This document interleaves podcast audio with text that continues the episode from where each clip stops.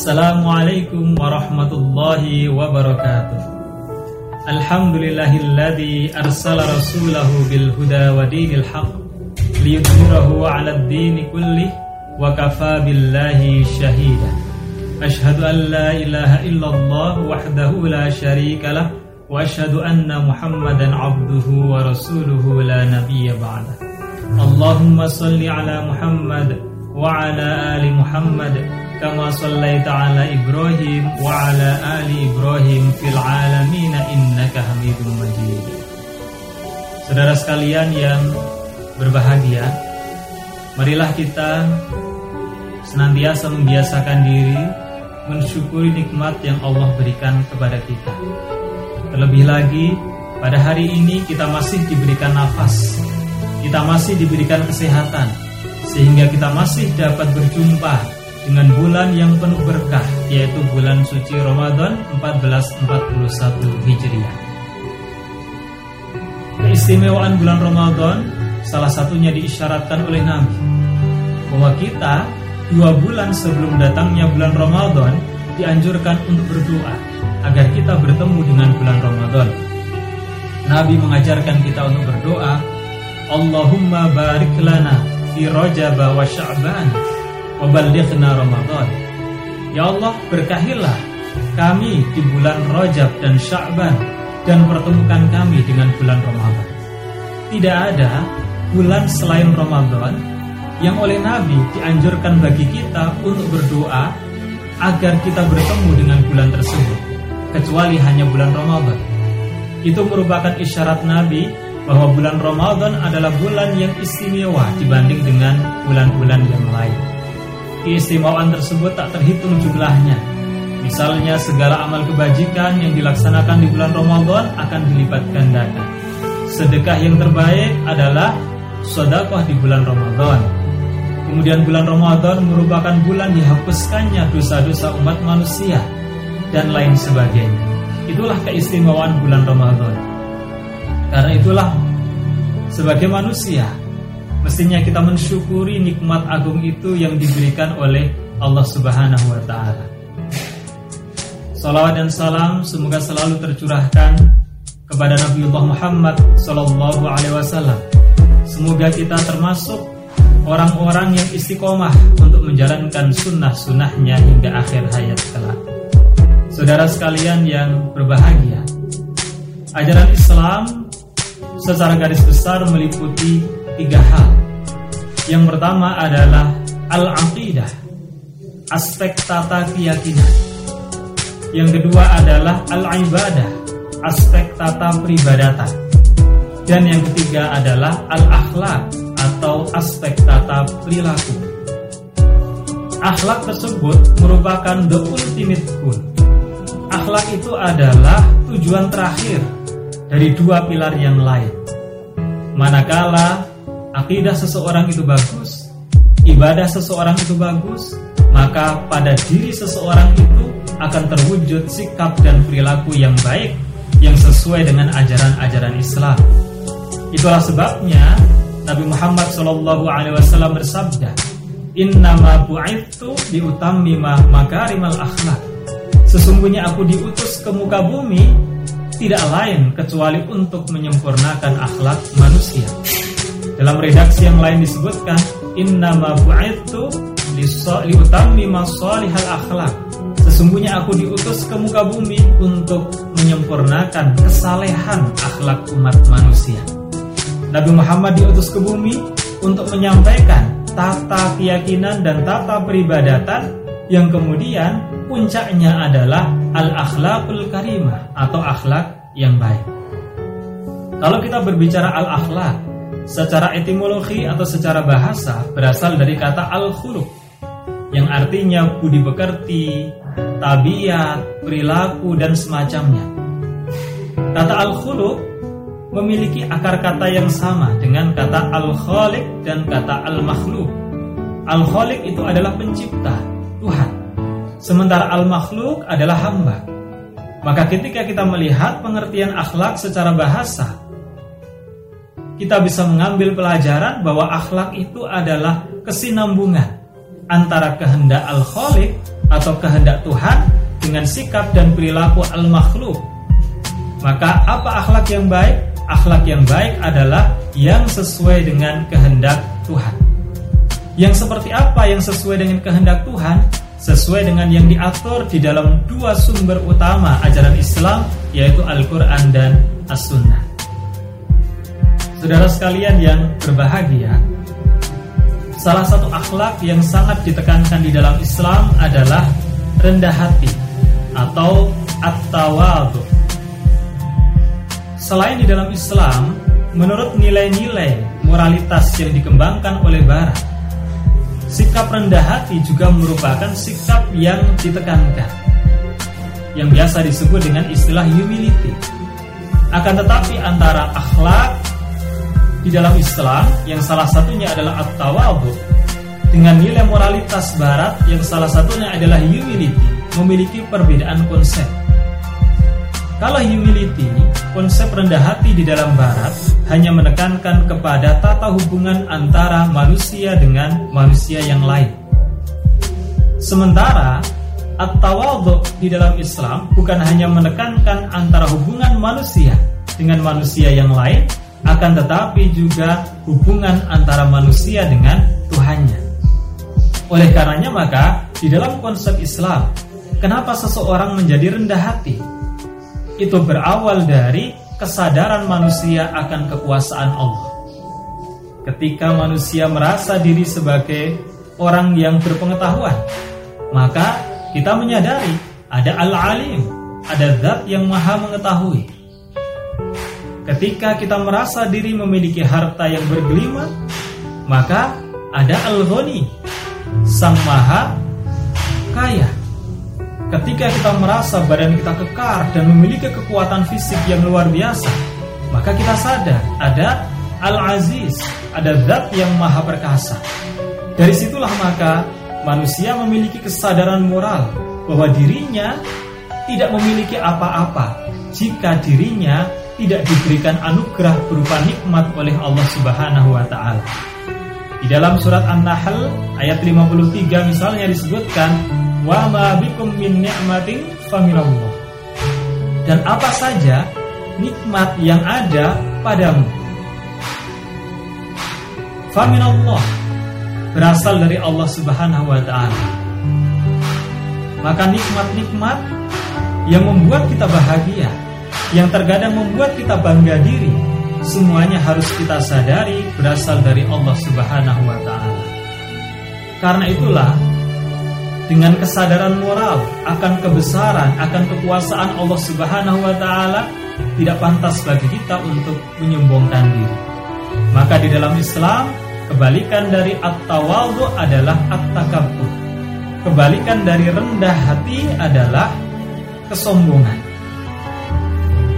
Saudara sekalian yang berbahagia, maka misalnya dalam konteks keilmuan, Terkadang orang jumawa dengan ilmu yang dimiliki merasa seolah-olah ilmunya lebih tinggi dibanding dengan orang lain.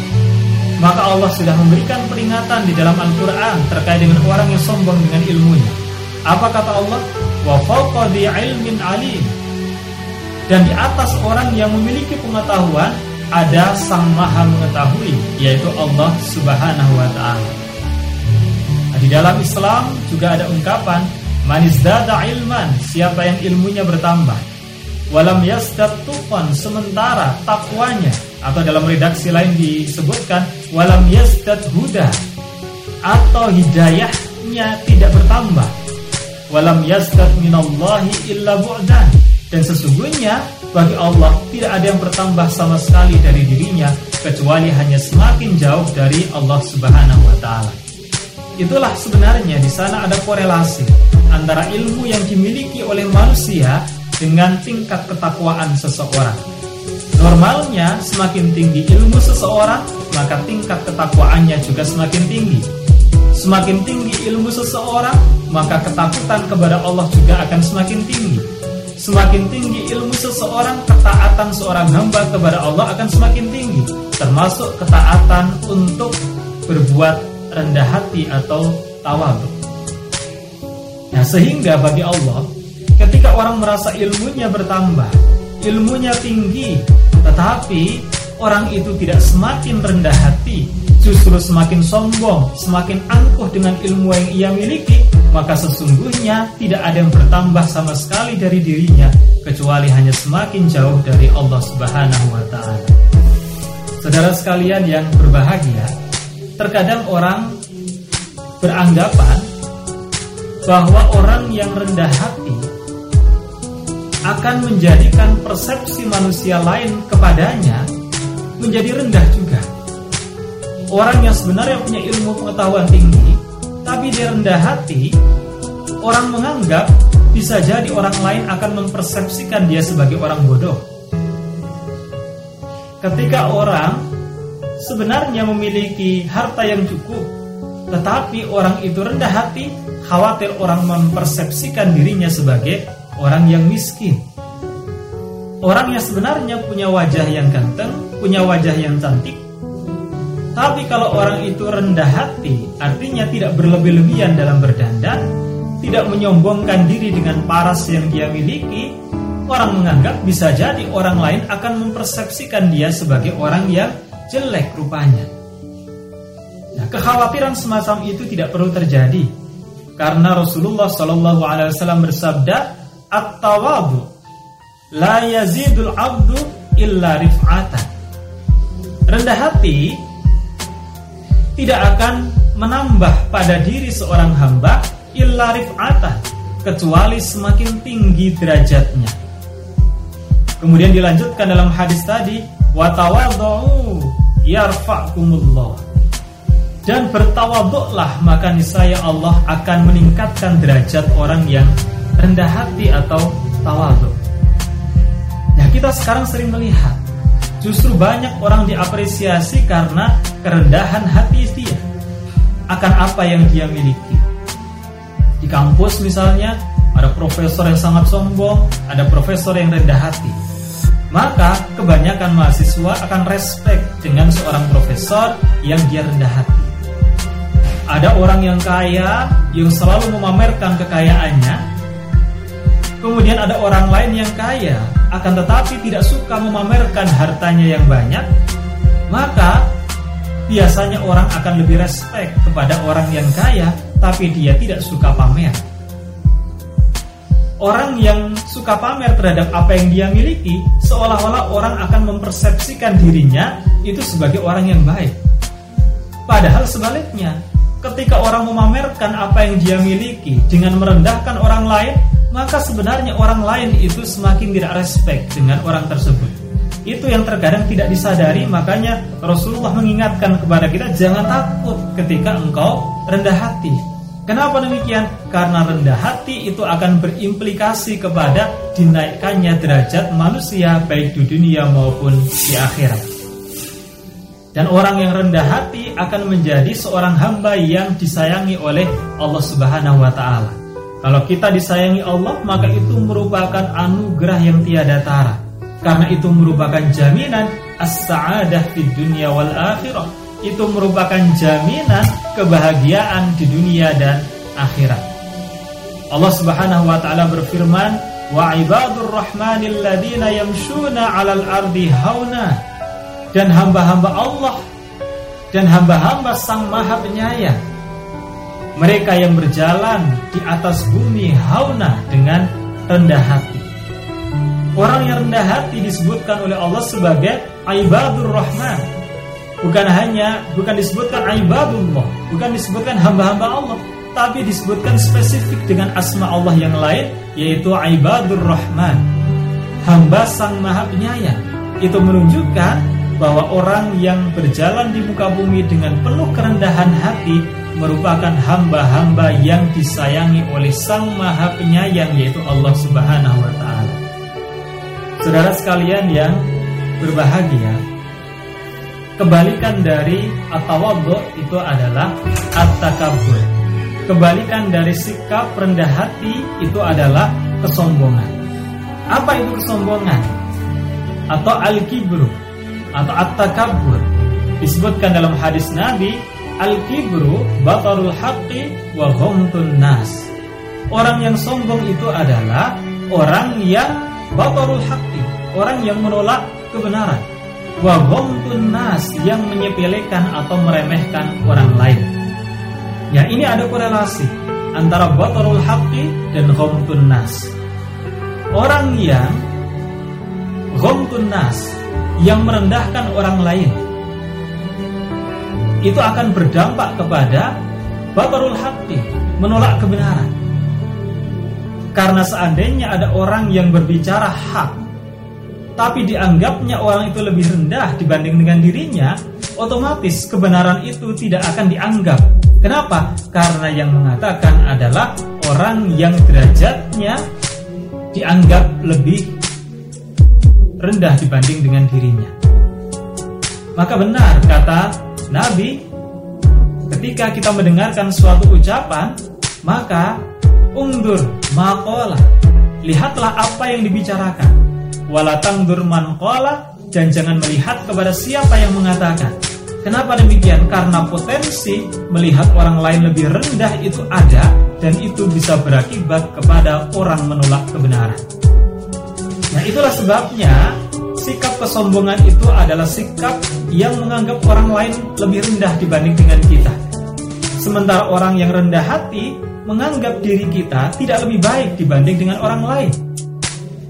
Maka implikasinya ketika ada orang lain mengatakan kebenaran karena menganggap diri kita tidak lebih baik daripada orang lain itu kita akan lebih mudah untuk menerima apa yang dikatakan oleh orang lain tersebut. Saudara sekalian yang berbahagia orang yang menyombongkan diri diancam oleh Nabi di dalam hadisnya. Nabi bersabda, "La yadkhulul jannata." Tidak akan masuk surga.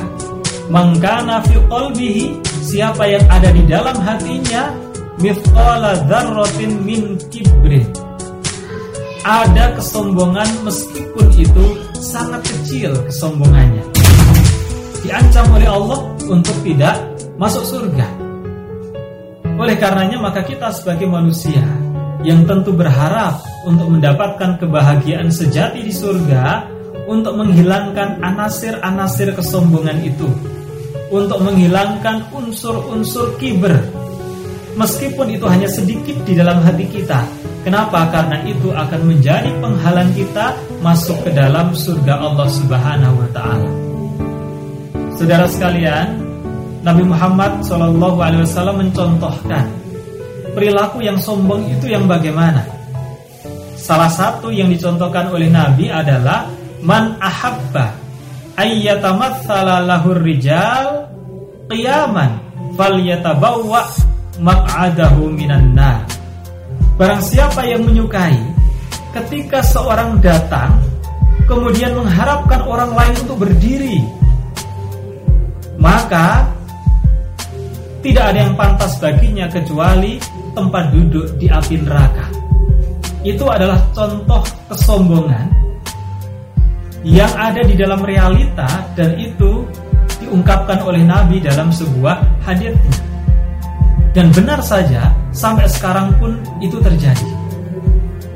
Merupakan ujian bagi orang yang menjadi pejabat, merupakan ujian bagi orang yang menjadi pribadi yang dihormati oleh masyarakat agar ia tetap rendah hati. Salah satu indikatornya ketika dia datang maka dia tidak berharap orang-orang itu berdiri untuk memberikan penghormatan. Kenapa demikian? Karena itu merupakan bagian dari kesombongan. Saudara sekalian yang berbahagia, ya ketika dari hati kecil kita kita sudah meyakini bahwa diri kita ini adalah seorang makhluk. Sementara di atas seorang makhluk itu ada sang kholik, zat yang menciptakan alam semesta raya termasuk diri kita. Zat yang jelas-jelas memberikan hidup, memberikan nafas bagi kita, memberikan apa pun yang kita miliki di dunia ini. Memberikan wajah yang menarik bagi orang lain memberikan kekayaan yang dengan kekayaan itu kita bisa membeli barang-barang yang kita inginkan. Yang memberikan nikmat-nikmat yang lain.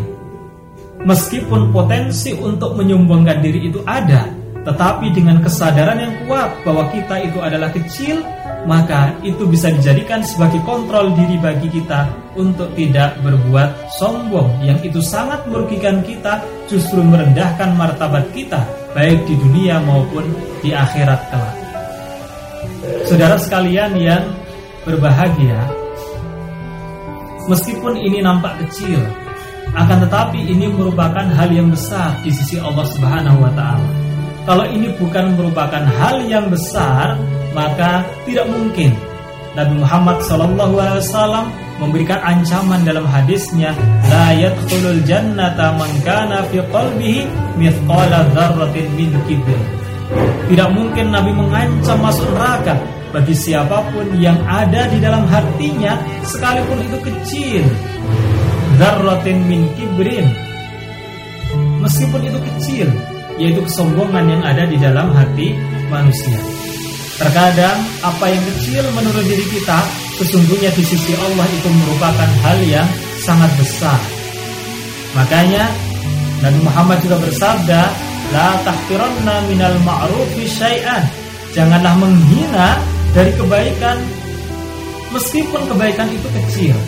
Maka dicontohkan Walau antalqo akhoka biwajhil qalqin Sekalipun ketika berjumpa dengan orang lain Kita menampilkan wajah yang berseri-seri Itu juga merupakan salah satu contoh dari sikap rendah hati Ketika bertemu dengan orang lain Maka kita tidak menunjukkan sikap yang angkuh Kita tidak menunjukkan kalau kita merasa lebih tinggi derajatnya dibanding dengan orang lain Nah dan saya ingat ada mahfudot atau kata mutiara di dalam bahasa Arab. La tahtakir mandunaka falikulli syai'in maziyah.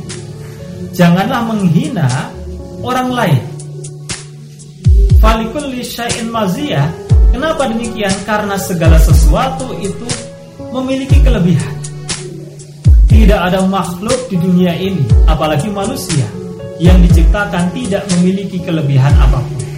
Pasti ada yang membedakan dari dirinya terhadap orang lain di mana dirinya itu punya kelebihan tertentu dibanding dengan orang lain. Ketika ada seseorang yang diberikan anugerah kelebihan berupa ilmu, maka orang yang bodoh jangan dikira tidak punya kelebihan. Bisa jadi dia punya kelebihan, yaitu sifat lebih rendah hati, misalnya. Atau dia memiliki sifat syukur, orang yang bergelimang harta melihat orang yang hartanya sedikit jangan dikira bahwa orang lain itu tidak punya kelebihan dibanding dengan kita. Barangkali kelebihan kita hanya soal harta tapi orang lain punya kelebihan lain. Misalnya kita kurang bersyukur sementara orang yang tidak bergelimang harta lebih bersyukur dibanding dengan kita. Tentu orang itu lebih kaya hakikatnya dibanding dengan diri kita. Nah, kekayaan inilah salah satunya yang juga sering kali menjadikan seseorang sombong. Menjadikan seseorang berbangga diri. Oleh karenanya maka Nabi Muhammad juga bersabda bahwa laisal ghina kekayaan an mal terkait dengan banyaknya harta Walakin ghina akan tetapi kekayaan itu adalah ghina nafas, kekayaan hati. Orang yang kaya tapi sombong dengan orang miskin tapi rendah hati atas kelebihan lain yang dia miliki, maka sesungguhnya orang yang miskin harta itulah yang lebih kaya. Kenapa? Karena hatinya itu lebih kaya. Ghina nafs. Terkadang juga yang sering kali dijadikan sebagai alat untuk menyombongkan diri adalah rupawannya seorang laki-laki atau rupawatinya seorang perempuan atau aksesoris yang dimiliki. Makanya di dalam pepatah bahasa Arab yang sangat masyhur dikenal ada ungkapan Laisal jamal bi athwabin tuzayyinuha. Keindahan segala sesuatu itu tidak dilihat dari atwa bintu zayyinuha tidak dilihat dari pakaian atau aksesoris yang dikenakan oleh seseorang. Walakinnal jamal akan tetapi keindahan itu adalah jamal al-aqli wal adabi, yaitu keindahan akal dan adabnya. Keindahan intelektual dan keindahan moralitas. Oleh karenanya, maka sebaik-baik manusia adalah ahsanuhum khuluqan, yang paling baik akhlaknya wa anfa'uhum linnas dan yang paling banyak memberikan manfaat untuk umat manusia. Nah, orang yang bermanfaat bagi umat manusia Salah satunya adalah kalau orang itu memiliki ilmu pengetahuan yang tinggi. Itulah sebabnya disebutkan fadlul alimi alal abidi kafadlil qamari ala sairil kawakib. Keutamaan orang yang berilmu dibanding dengan ahli ibadah itu seperti bulan yang dibandingkan dengan bintang-bintang. Di mana bulan itu nampak bercahaya, sementara bintang-bintang itu tidak lebih bercahaya daripada bulan.